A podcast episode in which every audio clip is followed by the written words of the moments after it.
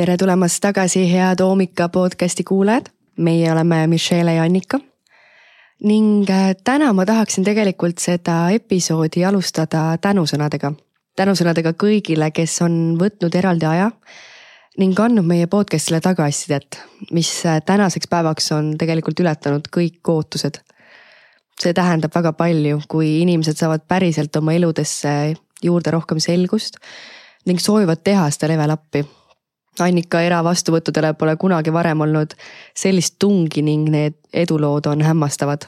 seega veel kord suur-suur tänu teile kõigile. kuid nüüd tänase teema juurde, milleks on viha. viha on sõjakas jõud, aktiivne negatiivsus. viha on oma olemuselt vägev jõud, mida saab kasutada katapuldina suuremasse vabadusastmesse. kuna viha trigerdavad peamiselt suhted eriti lähisuhted inimeste vahel, siis vaatame seda teemalt just peamiselt suhete kaudu. ja annan sõnajärje sulle üle, Annika. viha on energia, mille tõttu algavad sõjad. ometi saab seda kasutada ka edasiviival moel. viha ärkab siis, kui miski ei lähe nii, nagu me seda soovime. meile tundub, et teised on süüdi ja me tahame ennast maksma panna viha on ründav negatiivsus sellisest kergest pahameelest kuni raevuni, kättemaks tagarääkimisest kuni veritasudeni välja. viha on hirmu ja ebakindluse ületamine rünnaku kaudu. ma näitan sulle. selline tagasitegemine. vihas olevad inimesed on ärritunud, plahvatavad, kibedad ja pahurad, nördinud ja pahatahtlikud, kättemaksuhimulised, õelad, süüdistavad ja kaitsvad põikpäised ja sarkastilised, kannatamatud, frustreeritud ja agressiivsed. kui me oleme vihas, siis me tunneme tihti vastikust, sellist eemale tõukumist. ja, ja ka mässumeelsus on viha üks vorme. ehk kõik, kus me oleme sellised vägivaldsed või ärakasutavad. vihasena me tunneme ennast palju elusamana kui apaatias ja kurbuses. ehk seal me suudame tegutseda ja paljud tabavadki ära triki, kuidas viha ära kasutada nii, et passiivsest nõrkusest välja saada ja edasi liikuda. ehk katapuldina, nagu Michelle alguses ütles. kui meil õnnestub ületada apaatia ja kurbus ehk selline lootusetu ohvriseisund ning me järjest õpime ületama hirmusid ja ärevust kui eluviisi, siis meid hakkab juhtima iha, iha parema elu järgi aga paratamatult me kogeme oma ihade täitmise teel hulgalisti pettumust, mis viib frustratsioonile, mis omakorda sillutab tee vihani. viha sellise ebavõrdsuse, ohvriks olemise, ebaõigluse vastu on võimeline andma tõuke, ärgata unisest apaatiast ja hakata lõpuks elama, tõusta üles ja hakata tegutsema nagu mitu korda siin öeldud, et kasulik on ta siiski ainult tõukejõuna et õppida juurde, elada targemalt. elustiilina see jõud hävitab. miks? sest ta viib pahatahtlikkuse ja vihkamiseni. ehk vihas elades hakkad sa otseselt või kaudselt kahjustama teisi ehk elu enda ümber laiemalt. ja õige varsti elu sinu ümber annab sulle märku, mida ta arvab elu lõhkumisest ehk inimese kõikides eluvaldkondades tekib erosioon energia väljavoolamine. enamuses meist on tohututes kogustes alla surutud viha. kuna meil on iseenda ees, iseenda sees kehv tunne oma pahatahtlikkuse pärast ehk me ei meeldi endale sellel hetkel, siis viha kogunemine tekitab meis sellistes kogustes alateadlikku süütunnet, et meile tundub tähtis tembeldada see, kes viha põhjustas, kuidagi valeks. et meie viha tema vastu oleks piisavalt õigustatud. kuna viha energia iseenesest on destruktiivne, siis tegelikult ei ole üldse vahet, kui õigustatud selle tundmine meile tundub. me paratamatult muutume omaenda viha ohvriteks. seda alla suruda ja marineeruda oma vihas ja pahatahtlikkuses on, võib öelda isegi aeglane enesetapp, mis röövib sult tervise, välimuse ja enesehinnangu viha välja elada, on kaudne enesetapp. vahel piisab ühest raevupurskest, ühest vihaga öeldud sapisest märkusest, et mingi oluline suhe jäädavalt ära rikkuda. ehk veel kord, viha kaudu elada ei ole mõistlik. ja viha kui energia ainus mõistlik rakendus, lisaks siis sellele katapuldi meetodile, on ta transformeerida tagasi puhtaks elujõuks. millised on viha teised allikad peale luhtunud ihade? väga tihti kasutatakse viha hirmu ületamiseks, relvana, et saada oma jõustatuse tunne. selline tunne, et olukord on minu kontrolli all. et ma olen siin keegi, kellega peab arvestama, et minust ei saa lihtsalt üle sõita ehk parim kaitse on rünnak. ja see töötab väga hästi. ehk igal juhul on see parem, kui äh, muutuda selliseks allaandjaks, kellest tõesti sõidavadki lõpuks kõik üle.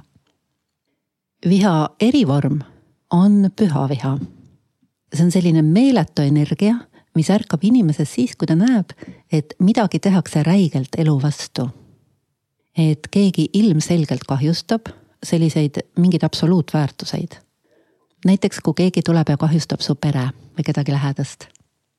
püha viha eripära on see, et ta ilmneb hästi järsult ja lühiajaliselt. nagu terava sööstuna sulle teada andes, et tegutse, tegutse kiiresti, muuda kiiresti otsustavalt midagi. aga tegutseda sealt edasi tuleb juba kainena, teises energias, et mingi vale asi õigeks pöörata, sest selleks on vaja vihavaba arukust vihas tegutsemine teeb kõik ainult hullemaks. püha viha võib tekkida, kui sa komistad sellisele nähtusele nagu gaslighting. kui sinu või lähedaste ellu satub manipulaator, kelle tegevuse tulemusel saavad inimesed psüühiliselt kahjustatud, sest nad hakkavad usaldama ja uskuma seda teist inimest rohkem kui iseennast ja muutuvad juhitavateks. nii see teine inimene võtab teiste elud tasapisi üle ja see on selline uskumatult peen ja julm manipulatsioon, mille ohvriks langevad ka kahjuks väga haritud ja targad, edukad inimesed. kõige levinum on viis, kuidas mingite vaimsete võimetega inimene kuulutab ennast guuruks, kellel ongi nagu püha õigus teistele haiget teha. ja inimesed satuvad täiesti väljapääsmatusse olukorda, sest nad hakkavad siiralt uskuma, et guru teab, mida ta teeb ja selliste mõjude alt välja saada on praktiliselt võimatu. aga see on juba nii omaette spetsiifiline teema ja kuna tuleb välja, et Eestis on seda uskumatult palju. just eile õhtul oli üks eratund ühe noore tüdrukuga, kes oli üle kümne aasta sellise inimese meelevallas ja peaaegu uskumatul viisil sealt ka välja saanud, siis äh, see teema väärib, et teha sellest eraldi täiesti podcast'i osa. nüüd äh, tagasi tulles tavaellu, kõige sagedasem vihaallikas ja toide on uhkus. ja veel täpsemalt tema üks vorme, edevus. E, edevus vihaallikana e, tuleb e, esile sellises vormis, mida me teame eneseohverdusena. eneseohverdus on üks kummalisemaid nähtuseid suhetes. ehk ma ohverdan ennast sinu nimel. keegi tunneb niimoodi ja kui siin midagi selle suhtega juhtub, siis tekivad süüdistused, et a la, et ma olen andnud sulle kogu oma nooruse, elujõu ja nüüd sa lähed näiteks noorema naise juurde. ja minus ärkab viha loomulikult. eemalt võib tunduda, et see on nagu täiesti okei okay,, et vaeseke jumal õigus, tal on vihane olla. aga kui sa lähemalt vaatad, siis see ei ole üldse okei okay.. ehk selle alus on sügav teadmatus. ja sellest tuleb meeletu valu, sest armastus ei ole äri ohvrimeelsust on tegelikult peresuhetes uskumatult palju. üks tunneb, et ohverdab end teise nimel ja tahab, et tema ohvrimeelsust tunnustatakse. aga see teine pole tihti üldse teadlik sellest ja siis on nagu väga hämmastunud, kui vaene ohver tunneb, et tema ohvrit ei väärtustata ja muutub tasapisi mürgiseks või endasse tõmbunuks. ja siis partner tunneb omakorda alateadlikku survet millele siis juba omakorda tekib alateadlik vastuseis paratamatult. sest mitte ükski hing siin ilmas ei talu survestamist. igasugust survestamist tõlgendab teine inimene kui oma vabaduse piiramist ja eriti tundlikud selles osas on mehed. ja nii kogu see kodune õhkkond muutub õige pea külmaks ja mürgiseks. see on nii banaalne, nii igapäevane. ometi väga-väga paljud ei tea, mida nad teevad. ja väga paljud suhted käivad alla selle valemiga. eks selle valemi nimi on siis emotsionaalne väljapressimine. emotsionaalne väljapressimine on nagu selline kerge variant psühhohuligaansusest. a la, et anna mulle seda, mida ma tahan või ma karistan sind. karistan eemale tõmbumisega, rahulolematusega, vaikimisega, mossitamisega, põlgusega ja vihaga mis on kogu selle käivitav jõud tegelikult. eks sa taandad sellega oma partneri endale aruandmata kaubaks. ehk kui mulle on tagatud see ja see, siis ma omalt poolt olen armastav, hooliv ja hea. kui aga mulle ei anta seda, mida ma tahan, muutun nõmedikuks. väljapressija enda jaoks on see kiire isiksuse taandareng, mis lõpeb kibestumise ja üksi jäämisega. Ehk kokkuvõtvalt taandub kõik alati motiivile mis on see sisemine põhjus, miks me midagi teeme. ehk siis praktilise poole pealt, kuidas sellest välja saab. E, kui seda teadvustada, mis toimub, piisab ainult teha sisemine otsus. ja siis harjutada ennast jälgima, mis tegelikult meie sees toimub, mis on see sisemine motiiv, mille pärast me midagi teeme. hästi ausalt ja rahulikult jälgida ennast, sellest tekib tohutu selgus ja alles selgusest avanevad ka väljapääsuteed. et siis korrigeerida. sest isegi kui me sellise peidetud väljapressimise teel teiselt saame midagi, see sügavalt niikuinii ei toida meid. näiteks välja pressitud kompliment, sellel on alati selline kibe maitse juures.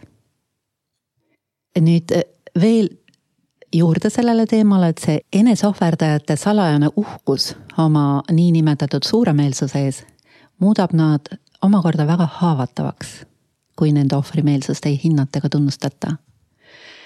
ja lisaks vihale sealt edasi käib allakäigutee enesehaletsuseni ja sellega kukutakse kolinal emotsionaalse skaala põhja kurbusesse ja sealt omakorda võib veel kord nagu päris põhja apaatiasse langeda. see on see meeleheitlike koduvereniste teema järgmine viha superkäivitaja on ootused.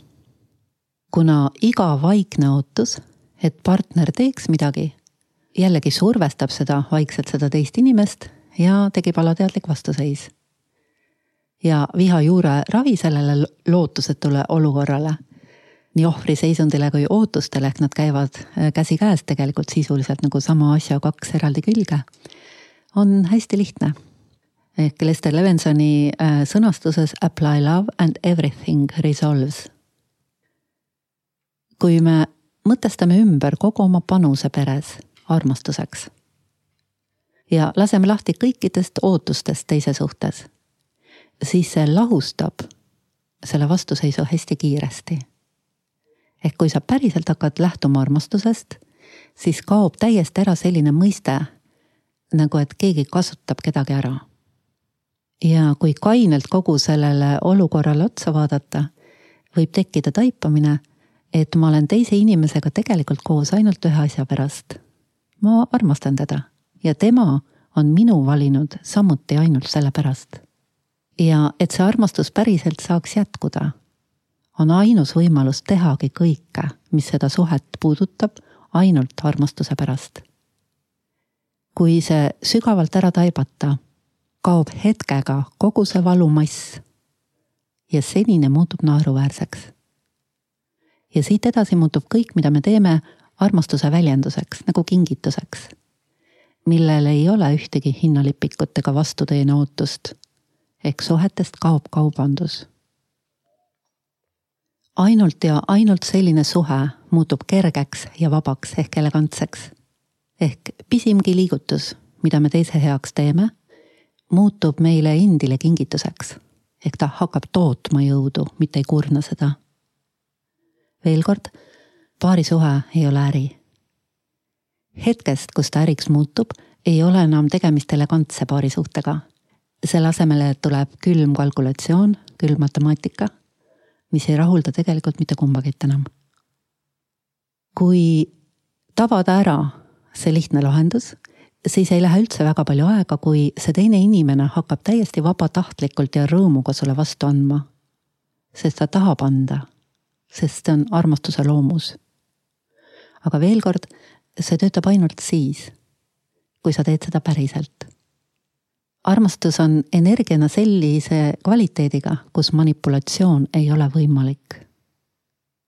kokkuvõtvalt võib öelda, et me saame, mida me tahame, ainult siis, kui me lõpetame selle nõudmise ehk viha kasutamine, ükskõik mis, kui päris algusesse tagasi tulla, ükskõik mis luhtunud unistuse, ootuse äh, täitumatuse puhul.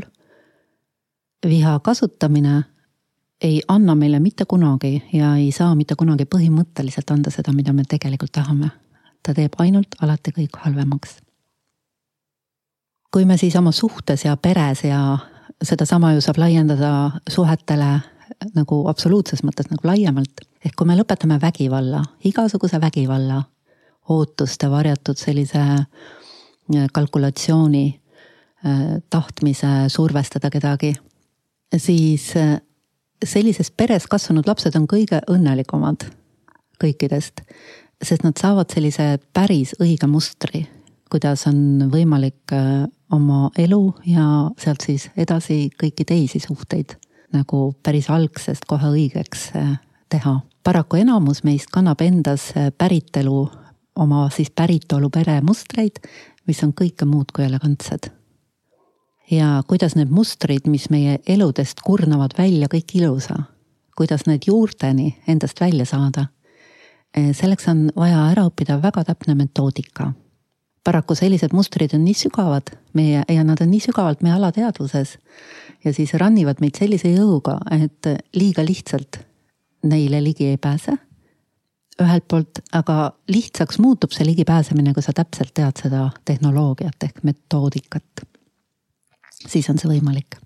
ja kuna mulle isiklikult on just see osa elust ehk minu lähisuhe oma mehega ja peresuhted ja sõbrad on olnud kõige tähtsamad asjad üldse, siis ma olen seda osa ka kõige põhjalikumalt uurinud ja tundma õppinud sest elu esimesel poolel tegin ka mina ühe vea teise otsa. ja praegu võin kindlalt väita, et see on võimalik elada elegantses suhtes, aga ainult ühel viisil. siin on tõesti, vähemalt minu teada ei ole ühtegi alternatiivi. paarisuhte õnnelikusaste on võrdeline inimese emotsionaalse intelligentsusega. ühelt poolt on selle nagu meistriklass ja teiselt poolt pidev eksam mis sunnib veel täpsemaks oma teadmiseid timmima ja oskuseid. ja ma jagan siin ühte lihtsat elementaarset võimalust. Sellist muutust suhtumises, suhte dünaamikasse üldse, mis võib tunduda liiga lihtne, aga ometi ta töötab imeliselt. eks see on siis üks võimalus, kuidas teha viha juureravi. igasuguse suhte eriti paarisuhte üks kuldvõtmekestest on tunnustus. tunnustus on palsam kõikidele potentsiaalsetele vihapõhjustele ja samas ka selle ravi. Tunnustus mitte manipuleerival tasemel, vaid mõistmisena, et teise inimese kohalolek sinu elus, iga väiksem käsi, mida ta kodus teeb või kuidas ta sinu suhtes käitub, on tegelikult kingitus. ja seda tuleb õppida nagu lugema või kogema sellisena.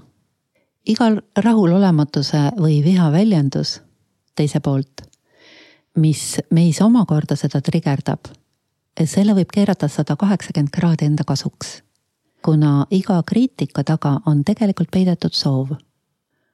saab harjutada endale sisse sellise küsimuse, mida see teine inimene tegelikult soovib mille suhtes ma pean natuke tähelepanelikum olema kus ma olen olnud liiga enesekeskne, mida mitte tähele pannud, mida teine tegelikult vajab ja nii edasi. Ja kui oma arengus jõuda taipamiseni, et iga suhe kellegi teisega on peegel, mis igal hetkel toob halastamatult välja meie nõrkused ja isekuse, siis muutub selline suhtumine elustiiliks ja ta muutub kõige kiiremaks võimaluseks paari suhe disainida nagu päriselt õigeks, juure pealt õigeks õigeks siis headuse, äh, sellise tugevuse ja tarkuse mõttes. Ja kui hakata niimoodi elama, siis selle tulemusena sa ühel hetkel taipad, et ma meeldin endale järjest rohkem ja rohkem. lisaks sellele, et suhe läheb järjest paremaks ja paremaks. ja sellisel meeldimisel ei ole midagi pistmist uhkuse või eneseülistusega, nartsissismiga, vaid pigem on tegemist sellise väikse vaikse rõõmuga, et sa oled ära tabanud midagi, mingi nagu sellise elu sügavama seaduse. Ja et elu ongi elus ja elu ei saa petta ja eluga ei saa manipuleerida. see lause, et eluga ei saa manipuleerida, see on üks, mis võiks jääda kõlama kogu sellest podcast'i seeriast. see on üks äh, selline põhi, võib-olla äh,, kuidas ma ütlen, nagu seadus või, või teadmine, mis on minusse sügavalt juurdunud. ei ole kiirteid manipuleerimise mõttes ehk kõik kiirteed tähendavad, et sa saad pihta sügavale printsiibile, millega tuleb asendada siis kõik sellised äh, shortcut'id, mida sa tahad teha nagu ebaõigel teel. ehk ausus, veel kord, ausus ja on ainus alustala. ja et oma elus siis selline maapealne paradiis enda jaoks disainida, selleks ei ole teist teed.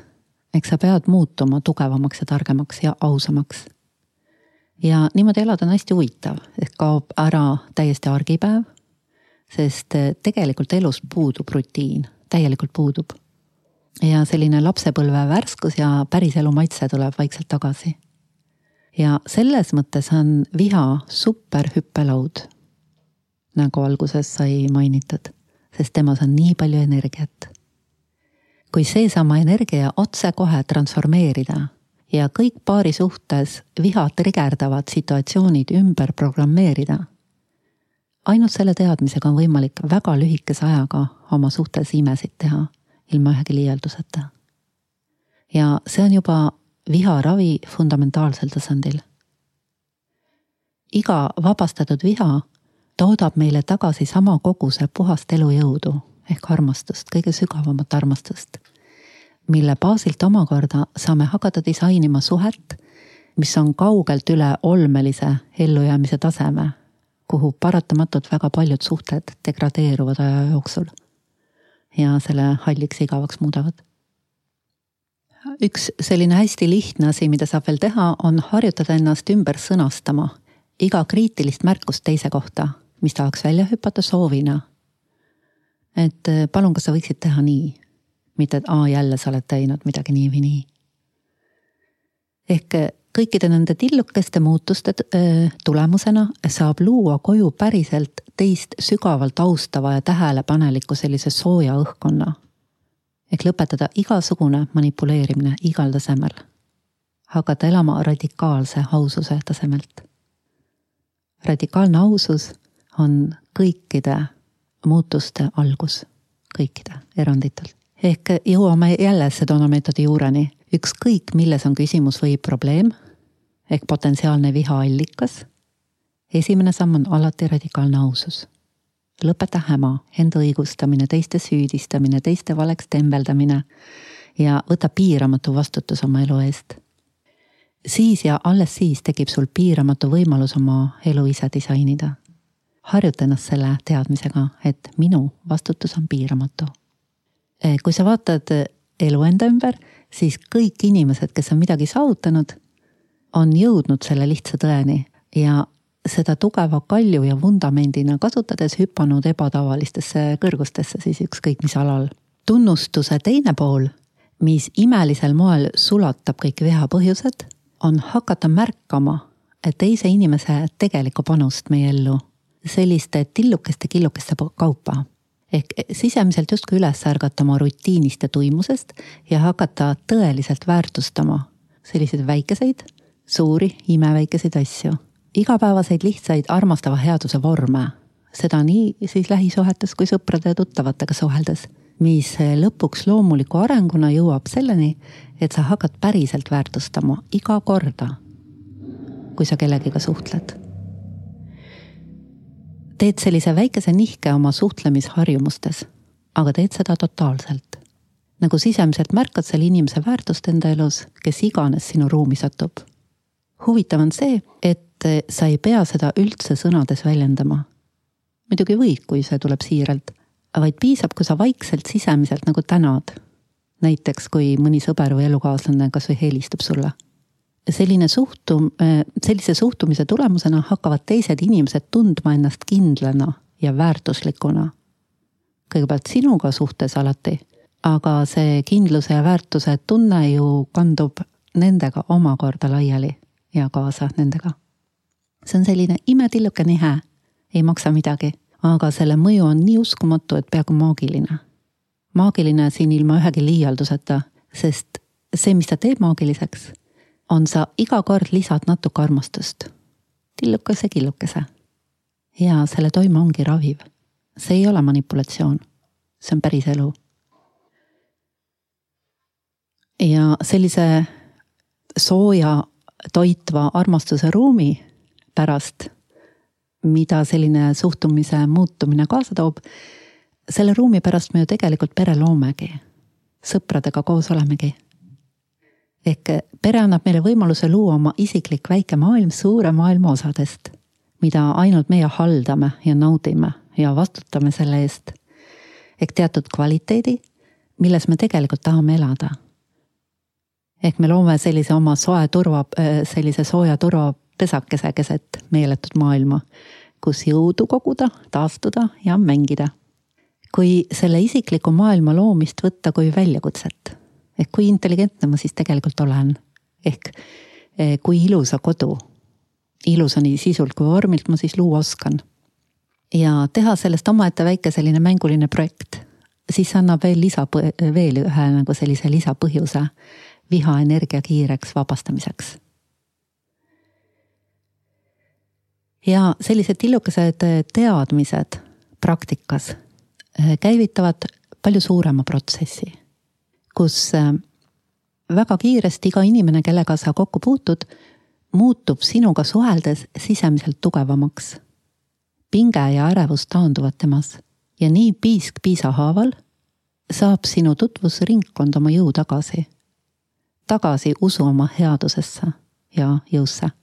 ehk elu maitse tuleb ellu tagasi mitte ainult sinul, vaid ka see hakkab kiirgama järjest kõikidele nendele, kes on sinu ümber. ja see on juba viha süvaravi. see päris armastuse jõud, mis algab lihtsast headusest, selle jõud on tohutu sellise lihtsa tunnustuse kaudu on võimalik transformeerida kõik oma suhted loetud päevade jooksul. muutus on nii drastiline, et see tundub peaaegu ulme. mul on endal mitu kogemust sellist, aga kuna siin on tegemist hästi konkreetsete inimestega ja siis ma nimesid ja neid lugusid ei hakka siin tooma. aga selles mõttes, miks ma nii pikalt sellel peatun, sest ma olen seda väga palju kogenud, selle tegelikku mõju niisiis, kui kellegi suhe pole päris see, mida ta soovib, siis võib endalt hakata küsima, mida ma pole selles teises märganud ja hinnata osanud. nii ennast teiste väärtustele ümber häälestades me tuleme välja oma isekuse sellisest nagu sudust ja hakkab avanema täiesti teine pilt.